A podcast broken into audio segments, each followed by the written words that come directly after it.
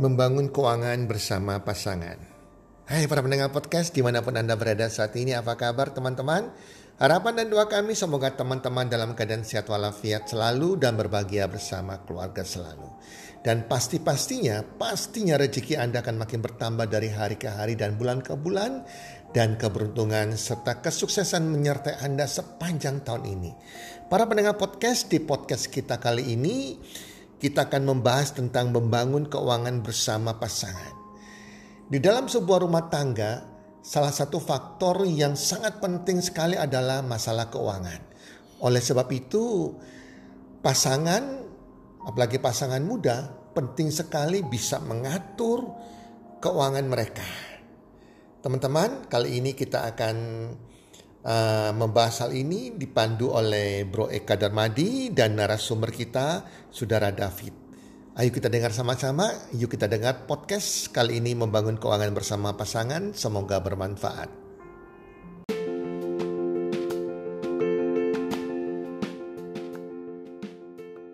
Halo semua, dalam episode podcast kita kali ini dengan judul Membangun Keuangan Bersama dengan Pasangan.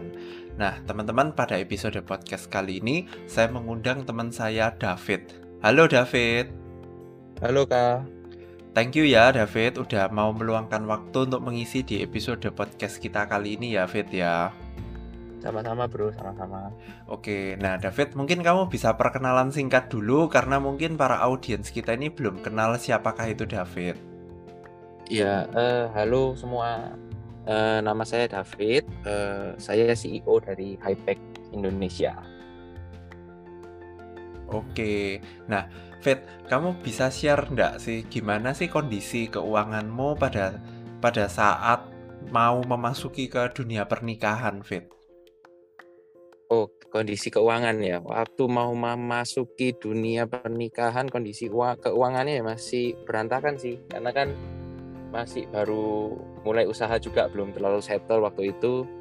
Uh, masih cukup cukup berantakan lah. Istilahnya kalau dibilang ada nggak alasan buat nggak melangkah waktu itu untuk menikah? Sebetulnya kalau dicari juga masih ada alasan untuk nggak melangkah waktu itu. Itu oh tapi pada waktu itu apa yang membuat kalian untuk berani untuk melangkah ke dunia pernikahan meskipun mungkin pada saat itu secara keuangan itu kayak masih belum belum mapan lah ya istilahnya kayak gitu. Uh, yang bikin saya berani melangkah itu karena saya mikir gini, dalam, dalam setiap uh, relationship itu ya, setiap hubungan ada beberapa faktor yang orang itu selalu pikirkan dan dijadikan tolak ukur. Misal kalau bagi saya mungkin saya nggak terlalu mempedulikan uang, yang penting saya cocok dulu nih sama personnya, sama orangnya saya cocok, satu tujuan, satu jalan, ya udah saya beranikan diri kalau memang mau sama-sama jalan. Tapi itu nggak berlaku buat semua orang ya. Uh, ada orang tertentu yang merasa saya harus punya ini dulu baru saya berani. Nah itu nggak ada benar nggak ada salah karena di dalam setiap hubungan itu memiliki preferensi masing-masing sih. Cuman kalau di hubungan saya itu lebih ke arah dia dia tahu semua latar belakang saya dan kondisi keuangan saya saat itu uh, lalu kita ngobrol berdua enaknya gimana lalu kita putusin kita putusin jalan jalan berdua kita jalanin bareng lalu kita set target tertentu kita juga doa minta penyertaan Tuhan dan waktu itu memang kita rasain benar-benar penyertaan Tuhan yang luar biasa uh, banyak jalan dibukain dari situ kita semakin yakin untuk oke okay, benar ini kita udah on the right track gitu Oke, mungkin kamu bisa ceritain singkat ya mengenai karir, bisnis atau uh, usaha yang kamu lakukan pada saat kamu itu sebelum menikah itu apa? Jadi biar para audiens ini punya gambaran, Fit. Oh gitu, oke. Uh, saya menikah di umur 28, jadi nggak nggak muda-muda banget, tapi juga it's not ya. Walaupun nggak ada kata terlambat ya dalam pernikahan menurut saya sih. Cuman waktu itu umur saya 28 banyak teman saya yang secara bisnis mungkin udah settle gitu. Sedangkan saya memulai bisnis cukup terlambat. Waktu itu saya kuliah sambil usaha di bidang insurance, jadi saya jadi asuransi. Saya jalanin bidang asuransi itu sekitar 4-5 tahunan lah sampai di posisi tertentu. Saya juga punya agent sekitar 18 sampai 20 orangan waktu itu. Cuman in the end aku ber, berpikir lagi ini bisnis mungkin bukan buat saya karena nggak melihat bigger picture-nya. Jadi saya merasa ini mungkin kalau saya jalanin terus juga gini-gini aja, income juga cuman segini aja mentok, nggak nggak bisa bawa saya lebih jauh lagi. Cuman dari saya, saya dari kerjaan insurance itu saya belajar banyak sih. Lalu saya doa, saya doa, saya ngomong Tuhan, uh, saya ingin punya kerjaan lain selain insurance.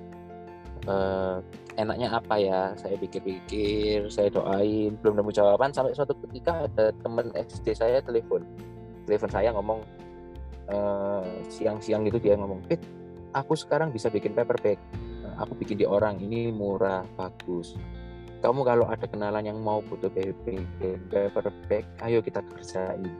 Ya waktu itu baru oke okay, nggak apa-apa.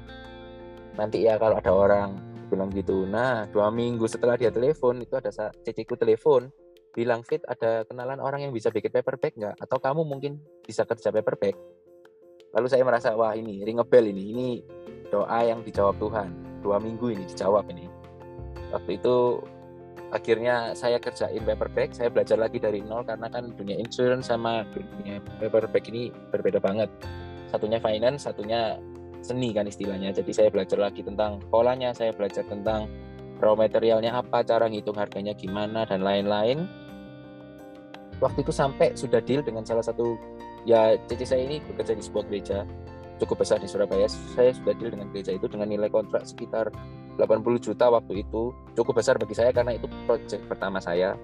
Nah usut punya usut setelah dijalanin projectnya saya dapat berita yang nggak enak. Karena ternyata barang yang dikirim sama teman saya itu nggak sesuai dengan kontrak yang udah saya bikin dengan gereja ini. Jadi istilahnya ternyata teman saya ini bikin di orang lain dia dibohongin. Akhirnya terkesan dia bohongin saya dan terkesan saya bohongin gereja ini gitu. Uh, lalu saya mikir wah ini berita nggak mengenakan ini kerja pertama kali. Untung belum banyak udah kebohongin ini udah ketipu ini. Nah, lalu saya ngomong ke tim yang di gereja itu yang order ke saya nggak nggak usah khawatir saya ganti aja saya ganti yang baru nggak apa-apa saya tanggung jawab saya ganti yang baru. Waktu itu cuman tim dari gereja itu ngomong nggak usah dah nggak usah diganti yang baru karena juga ada kesalahan lah dari kita nggak minta approval lain-lain apa. Ya udah akhirnya saya nggak jadi ganti di sana. Cuman otomatis dong saya kehilangan potensial customer saya yang mestinya bakal repeat order terus ini. Dari situ saya sempat ngedrop wah ini kerja kayak gini baru pertama kali udah kena bohong sama temen nama saya udah jelek. Bisa nggak saya anu ya apa kerjain ini lagi? Terus saya cerita waktu itu ke calon istri saya e, ada masalah lo kayak gini. Dia pertama juga waduh gimana ya? Tapi dia tetap support saya dia bilang nggak apa-apa jalanin aja. Toh juga dari pihak sana juga ada salahnya kan nggak approval. Dari situ kita betulin kontrak yang saya bikin. Jadi ada beberapa poin kontrak yang saya tambahin di di dalam regulasi invoice saya waktu itu. Jadi kayak uh, tidak bisa komplain kalau nggak approval dulu Tiga cerita saya jalan lagi. Karena kebetulan calon istri saya ini orang Bali saya sempat uh, ke Bali saya mikir nih habis akal kan? Wah setahu saya di bisnis kalau mau kerja itu dari uh, lingkaran yang terkecil nih teman terdekat keluarga kayak gitu. Ini teman dekat udah bohongin saya keluarga juga saya nggak enak karena saya merasa bohongin dia. Tiba-tiba saya mikir ya udah saya tak muter nyeles saja di Bali waktu itu. Saya muter nyeles di beberapa tempat nah ini proyek kedua ini lebih lebih apa menggegerkan lagi nih. Menurut saya waktu itu saya ke sebuah donat toko donat di Bali cukup cukup ya paling terkenal lah rasanya di Bali toko donat itu. Lalu saya bikin kontrak saya ketemu sama tim purchasingnya dulu sih. Saya ketemu tim purchasing saya kasih penawaran. Usut punya usut ternyata deal deal sama saya. Nilai kontraknya waktu itu kalau nggak salah 200 jutaan lah deal saya dapat deal mereka DP ini kejadian yang sama terulang nih nggak pakai approval karena tim mereka minta cepet-cepet juga. Nah saya tapi belum mencantumkan klausal tersebut di invoice saya. Saya jalan aja seneng karena saya merasa wah ini oke. Eh, kualitas juga ya sama lah kertas juga sama. Saya jalan waktu itu tapi saya udah nggak bikin ke teman saya lagi saya bikin ke partner saya yang lain saya cari partner. Saya bikin di sana jalan dua bulan barang jadi udah dikirim beberapa ternyata dari tim sana ngomplain katanya sih barangnya nggak sesuai standarnya mereka. Padahal kita bikin udah sama karena kertas yang dipakai sama finishing sama potongan cutting sama semua sama. Intinya terakhir dia kayak ngancem ini saya mau DP-nya dikembaliin semua. Barangnya kalau kamu mau ambil ya kamu ambil aja. Tapi kita juga butuh pakai karena karena kamu ini kita nggak bisa order di tempat lain sehingga kita nggak bisa packaging. Ya udah saya ngomong waktu itu sama istri saya gimana ya ini? Uang cukup besar waktu itu DP kalau 50% aja udah 80 jutaan waktu itu. Lalu uh, istri saya bilang ya gimana? Iya udah DP kok harusnya DP itu hangus. Wong juga sudah ngirim sesuai dengan uh, apa invoice gitu. tapi waktu itu kok nggak damai sejahtera hatiku ini nggak damai sejahtera. Akhirnya tak tak kembalikan semua DP-nya DP tak kembalikan barang tak suruh dia pakai. Jadi akhirnya diam-diam dari saya nggak punya utang saya punya utang ke ini teman saya yang bikin box ini pertama kali. Langsung waktu itu kita mikir gimana ya ini? Dari kerjaan paperback ini kok malah nggak menghasilkan malah istilahnya kalau orang Surabaya ngomong boncos ini boncrot ini nah dari situ saya doa lagi Tuhan bener tak uh, eh, aku harus ngerjain ini tak atau gimana nah dari situlah dari cerita rugi-rugi itu saya bisa bikin klausel-klausel di invoice saya yang kasarannya melindungi konsumen juga melindungi saya sebagai produsen. Jadi sama-sama enak. Dari situ, dari kerugian yang saya alamin itu, saya belajar banyak. Sampai sekarang jadi perusahaan saya sendiri dan partneran tetap dengan teman saya yang bukan yang pertama teman SD saya itu ya, bukan. Saya partneran dengan teman saya yang kedua sampai sekarang kita partner baik dan semakin gede perusahaannya kayak gitu. Oke. Nah, jadi pada saat apa namanya? Kamu memulai bisnis packaging ini kalau boleh tahu pada saat itu kamu sudah menikah atau baru akan memasuki dunia pernikahan? Waktu itu baru akan memasuki dunia pernikahan sih. Baru akan memasuki saya. Oh, belum menikah waktu itu. Waktu itu belum menikah ya.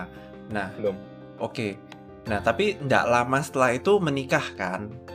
Betul, nggak lama setelah itu sekitar setahun setengah dua tahunan lah saya nikah.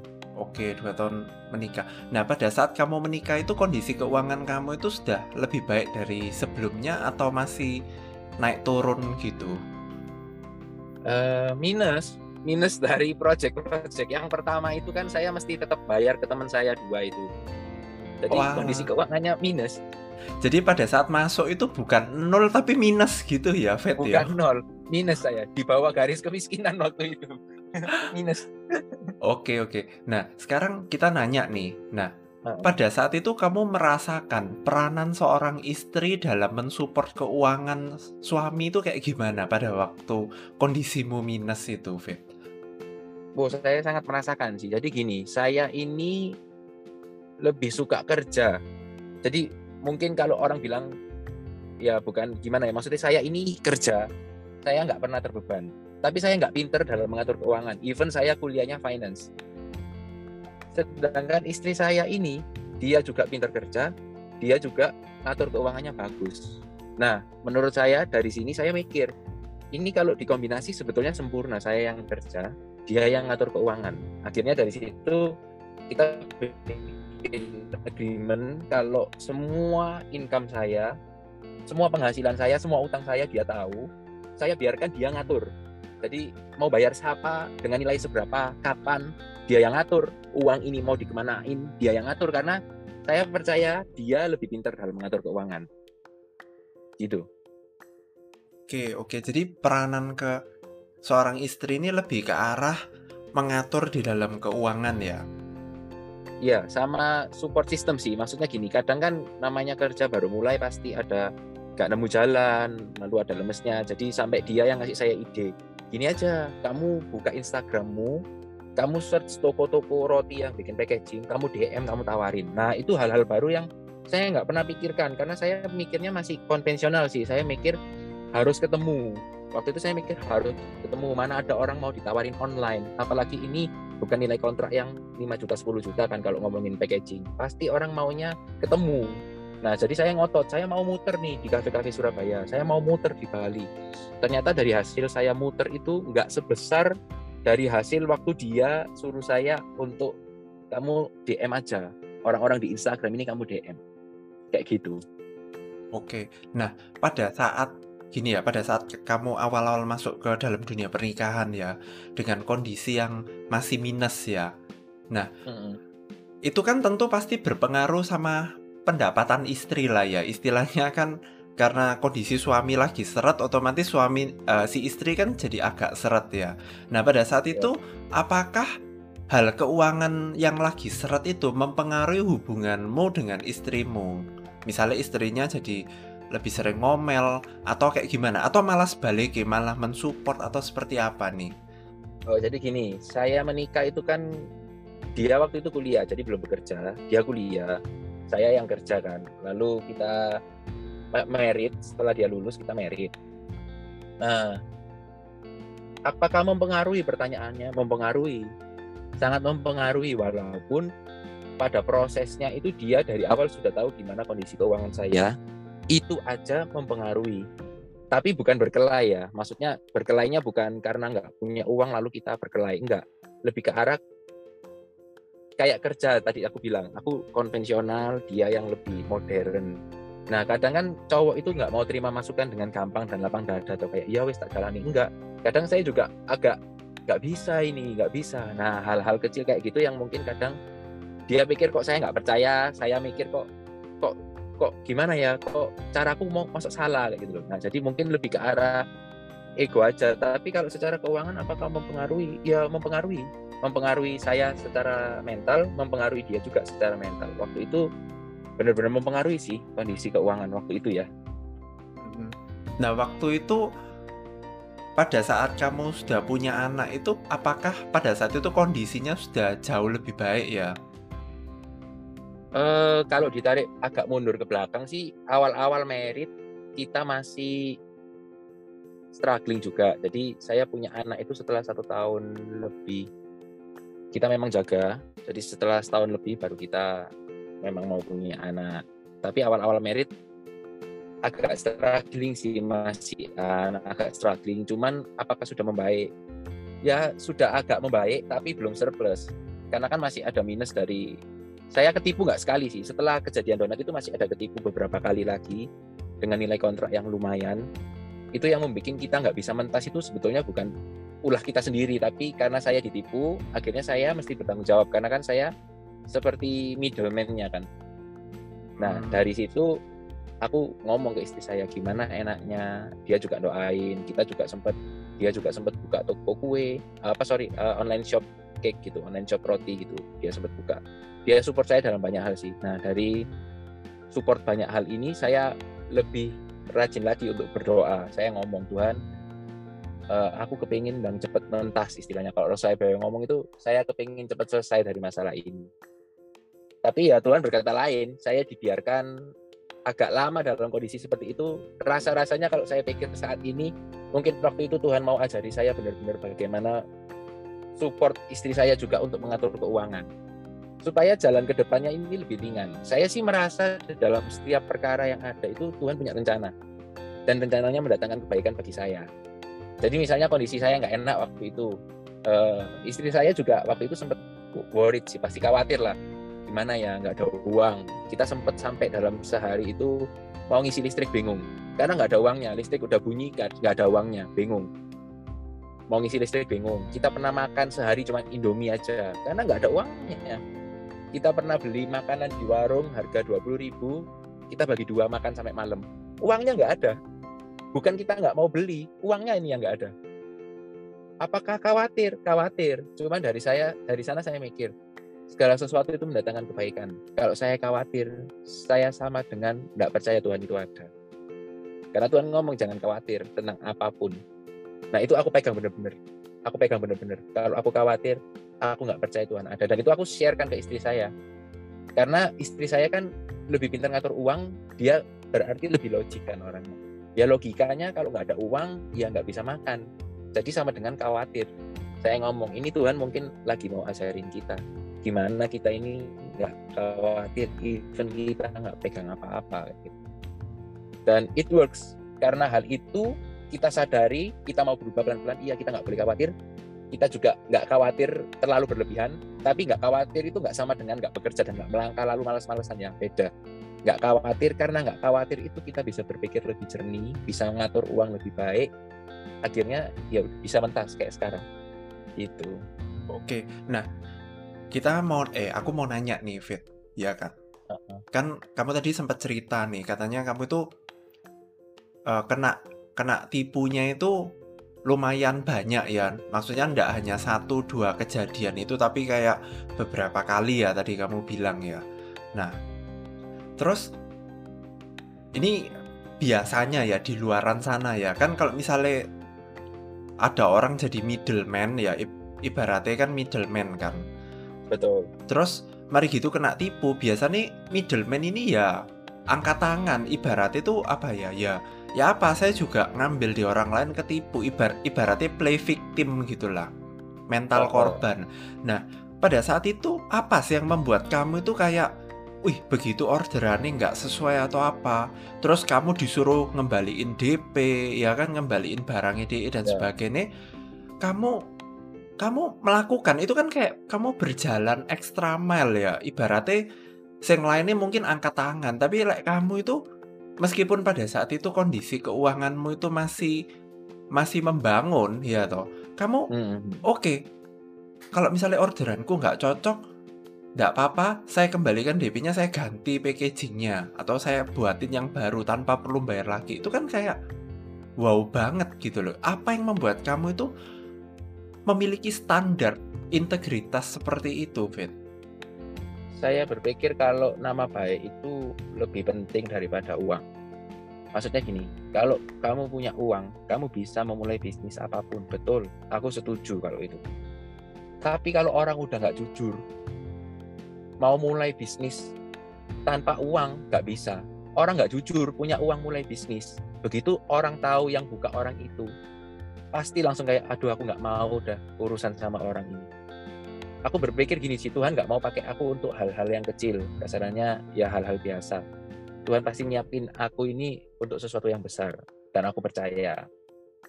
Dari situ aku mikir kalau hal-hal kecil kayak gini aja yang kasarannya cuma uang yang masih bisa dicari nih uang aku udah main gila ya toh even bukan aku yang salah. Nanti kalau Tuhan percayakan aku yang besar jangan-jangan nggak jadi karena ulahku yang ini gitu.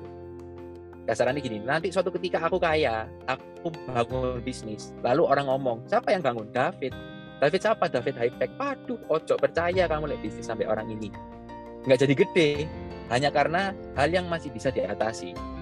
Akhir, akhirnya lebih ke arah mikir jujur aja saya ngomong ke istri aku kebohongin segini. Oke apa yang harus dilakuin? Aku ngomong ke temanku ini aku kebohongin tak cicil nggak usah khawatir. Aku nggak mungkin lari. Aku tetap ngambil packaging di kamu aku nggak mungkin lari. Nah dari situ akhirnya dulu cuman ngambil-ngambil doang sekarang jadi partner in business gitu. Dari ah. itu. Jalannya dari itu gitu. Oke. Nah tadi kamu sempat juga bilang bahwa apa namanya istrimu adalah orang sing lumayan lumayan untuk mengatur keuangan ya. Maksudnya lebih bisa mengatur keuangan daripada kamu betul, betul nggak? Nah betul. mungkin kamu ada sedikit tips nggak sih sebetulnya mengatur keuangan yang kamu maksud itu kayak gimana sih contohnya itu? Oke, ini ngomongin sebelum merit dan sesudah merit ya. Kalau sebelum merit yang ngatur keuangannya lebih ke arah gini. Misalnya saya dapat 20 juta. 20 juta ini dikemanain dia yang ngatur. Waktu itu sih kita baginya gini. Dari 20 juta itu 50% bayar utangnya. Jadi 50% utang sudah habis langsung. Nah, dari 50% sisanya ini waktu itu kita ngaturnya 5% kasih ke orang tua, 15% kita untuk have fun kalau nggak salah waktu itu untuk kayak satu minggu 30% ya buat hidup isi listrik dan lain-lain kayak gitu waktu itu belum sempet mikir nabung karena ada utang. Jadi diprioritasin dulu utang sama ya untuk yang lain-lain tadi ini udah diatur berdasarkan pos-pos itu persentase. Jadi karena kan kalau kerja sendiri nggak kayak gaji yang tiap bulan sama ya. Jadi kita misalnya terima 2 juta ya kita pakai cara yang sama 50% langsung bayar utang sisanya kita kelola dengan dengan kesepakatan yang ada. Kayak gitu sih. Kalau yang udah menikah gimana nah karena kalau yang udah menikah ini masih sama sistemnya tapi lebih ke arah karena kan ini utang udah selesai sekarang ini hanya udah selesai. Jadi lebih ke arah dia yang ngatur 50% misalnya dibeliin aset kayak emas kayak atau dibeliin saham. 50% sisanya kita kelola ada yang buat rumah ada yang buat anak kayak gitu sih. Tetap dia yang ngatur bentuk presentasenya aja yang dirubah caranya sama karena saya kan bukan kantoran yang tiap bulan dapat sama. Kadang dapat gede kadang pernah juga nggak dapat sama sekali. Ya puji Tuhan akhir-akhir ini udah nggak pernah sih nggak dapat sama sekali. Cuman maksudnya tetap prosentasenya itu dia yang atur dengan sistem yang kayak gitu. Gitu. I see. Jadi sekarang ini di dalam keluarganya David 100% secara keuangan. Itu kamu nyetor ke istri terus istri itu yang kayak mengatur semuanya ya untuk apa untuk apa ditabung. Betul ya Fit ya? Uh, kurang lebih kayak gitu karena kan saya sekarang ada beberapa kerjaan. Jadi uang beberapa kerjaan itu nge uh, masuknya ke saya. Lalu yang untuk kerjaan otomatis nggak saya setorkan karena kan untuk muter usaha. Tapi semua profit bersihnya saya kasih ke istri. Semua profit bersih dia yang ngatur ah, gitu oke oke nah Fit misalnya ada para audiens ini mau nanya ya apa menurut menurut David ya apakah ketika kita itu mau memulai sebuah bisnis itu harus memiliki sebuah modal dulu? Oke, apakah perlu sebuah modal? Perlu, sangat perlu. Apakah modalnya itu uang? Bukan. Bukan uang modalnya, tapi perlu modal. Macam-macam sih modalnya, bisa modal kepercayaan. Bisa modal ya kita punya kaki, punya tangan, kita punya waktu, kita bisa muter lah istilahnya kalau orang zaman dulu ngomong kita bisa nyales gitu kita bisa sales. Cuman ya nggak harus uang sih tapi butuh modal ya. Dari apa yang kalian punya aja startnya. Kalau kalian punya uang ya kalian tinggal cari barangnya kalian cari networkingnya kalian cari orang yang mau jalanin bisnisnya karena banyak orang di luar sana nggak punya uang tapi kepengen berbisnis kalau kalian nggak punya uang kalian tinggal cari kalian ini passionnya apa kepengen ngerjainnya di bidang apa sekarang kan cari informasi nggak susah, tinggal cari suppliernya mana. Kalian temuin suppliernya. Eh boleh nggak kalau ini tak jualin? Minta katalognya. Baru kalian cari end usernya. Itu aja udah bisa jalan kalau aku bilang. Hmm, lah jadi menurut menurut David nih modal yang terpenting dalam membangun bisnis itu berarti apa ini David? Modal yang terpenting dalam membangun bisnis. Persistensi sih. Aku bilang melakukan hal yang sama berulang kali itu nggak ada hasilnya. Tapi kalian percaya itu it works ya. Kecuali itu hal yang memang salah yang orang lain semua ngomong salah. Tapi kalau misalnya itu sesuatu yang benar ya lakuin aja persisten nanti nggak tahu sebulan setahun 10 tahun itu akan membuahkan hasil pasti. Kalau yang tadi yang soal integritas itu gimana Fit? Kak aku bilang gini kita mesti memisahkan uh, pemikiran eksternal sama internal. Maksudnya gini, kalau faktor eksternal yang bisa kita lakuin ya kita mesti persisten. Kita harus lakuin itu berulang-ulang.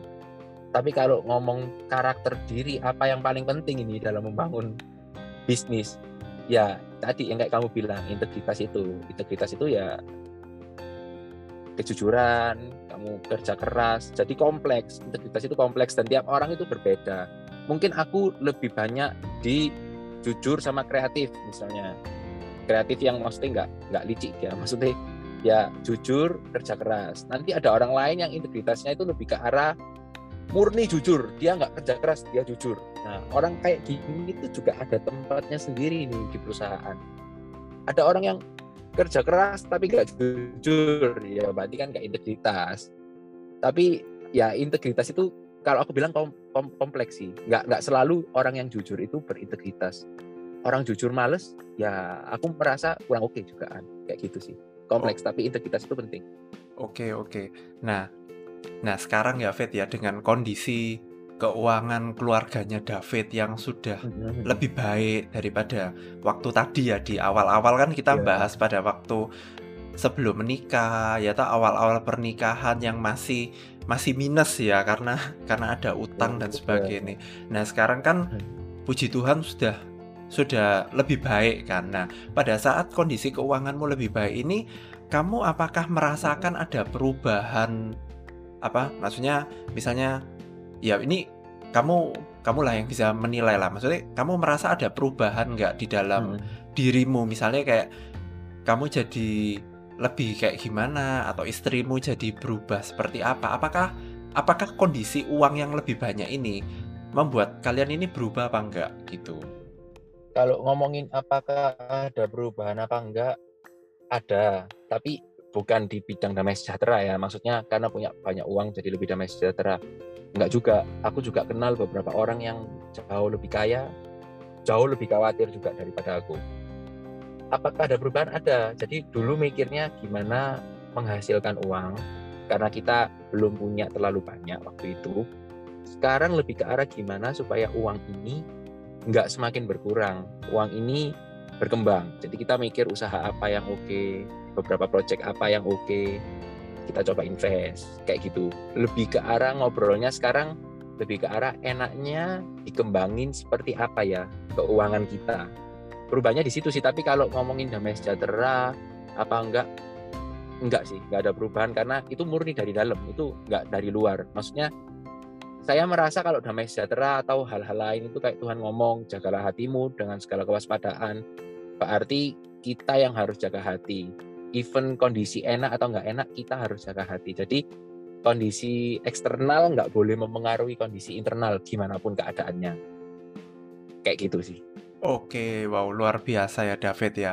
Nah sebagai penutup nih Fit kamu ada pesan-pesan nggak untuk para pendengar ini ya? Mungkin para muda-mudi atau orang yang mau melangkah ke pernikahan tapi merasa secara keuangan belum mapan atau mungkin yang saat ini sudah menikah kamu ada pesan-pesan nggak untuk para pendengar ini, David? Pesan-pesan ya. Uh, jadi gini, kalau bagi yang belum kawin, belum menikah ya, belum menikah, bingung uang dari mana, percayalah banyak orang yang melangkah ke pernikahan itu juga memikirkan hal yang sama. Cuman kan pernikahan ini bakal dijalanin berdua, bakal dijalanin berdua, otomatis kalian harus ngobrol berdua karena hal yang paling penting di pernikahan itu menurut saya di dalam setiap relasi lah. Menurut saya yang paling penting itu komunikasi. Jadi kalian ya komunikasikan. Kalian terbuka jangan sampai bohong. Banyak pernikahan itu awal teman saya juga ada sih awal-awal itu kayaknya oke. Okay, setelah menikah tiga bulan mereka kalau nggak salah cerai. Karena yang cowok ternyata income-nya nggak segede yang dipikirin yang cewek. Nah ini kan gawat. Jadi pak saya bilang keterbukaan dan komunikasi ini jadi hal yang sangat penting dalam relasi. Kenapa? Kalian memikirkan memikirkan menikah ini kan sampai mati istilahnya, jangka sangat sangat sangat panjang. Kalau kalian nggak bisa berkomunikasi dengan baik, kalian nggak bisa terbuka sama pasanganmu, something wrong. Kalau kalian nggak bisa beresin ini, nggak usah ngomong dulu ke keuangan dan lain-lain. Even kalian punya uang pun, kalau komunikasi kalian nggak bagus, jadinya amburadul. Ada nggak? Ada banyak temenku juga kayak gitu. Uh, udah mapan tapi komunikasi nggak bagus. Yang yang nggak bisa jalan dengan bahagia rumah tangganya. Atau nggak punya uang komunikasinya bagus apakah bahagia? Much better karena masih bisa mikir apa yang harus dilakukan. Jadi pesanku kalau kalian mau jalan kalian doa dulu. Lalu kalian harus cocok dulu dengan orangnya. Apakah kalian komunikasinya enak? Apakah kalian kalau bahas masalah-masalah yang krusial ini menemukan jawaban atau menemukan masalah lain. Maksudnya kita ngomong hal yang krusial jadinya malah berkelahi. Wah ini susah. Punya hubungan yang kayak gini susah karena rumah tangga itu bakal lebih rumit lagi daripada pacaran. Jadi pastiin kalian komunikasi lancar, kalian terbuka, kita kalian doa jalan pelan-pelan, pasti Tuhan buka jalan. Gitu kalau aku bilang sih. Oke, itu itu udah pesan-pesan kalau buat yang apa yang sudah menikah mungkin ada pesan-pesan tersendiri mungkin kalau yang udah menikah pesan-pesanku lebih ke arah karena aku dari dulu memang concern sih di bidang relationship. Maksudnya uh, dari SMP aku udah banyak baca buku tentang relationship nggak tahu kenapa. Saya merasa sih kayak gini kita kan menikah itu kepinginnya bahagia dan dibahagiakan ya. Nggak ada orang menikah tujuan awalnya supaya bertengkar tiap hari itu nggak ada jadi aku merasa ya pas buat pasangan-pasangan event pasangan baru atau pasangan yang lama kalau boleh kasih saran lebih ke arah belajar komunikasi lebih baik. Kadang kan suami itu kalau ngomong sama istri kasar istri juga kalau ngomong sama suami juga sengak karena udah capek jaga anak yang suami capek kerja ya toh. Jadi aku merasa harusnya rumah itu jadi tempat ternyaman untuk kalian ngobrol. Kalau rumah itu udah jadi neraka kalian harus segera perbaikin. Karena kalau enggak ya benar-benar jadi neraka. Jadi ya harus perbaikin. Ngomong sorry. Laki say sorry ke sing perempuan sing perempuan ya say sorry. Istri suami istri saling memaafkan. Komunikasi diperbaikin. Kalian harus happy supaya kalian punya anak yang happy. Kayak gitu sih kak aku bilang. Oke oke David, thank you banget ya kamu udah mengisi di episode podcast kita kali ini dan ini adalah akhir daripada episode podcast kita kali ini. Sampai jumpa di episode podcast selanjutnya. Dadah. Dadah.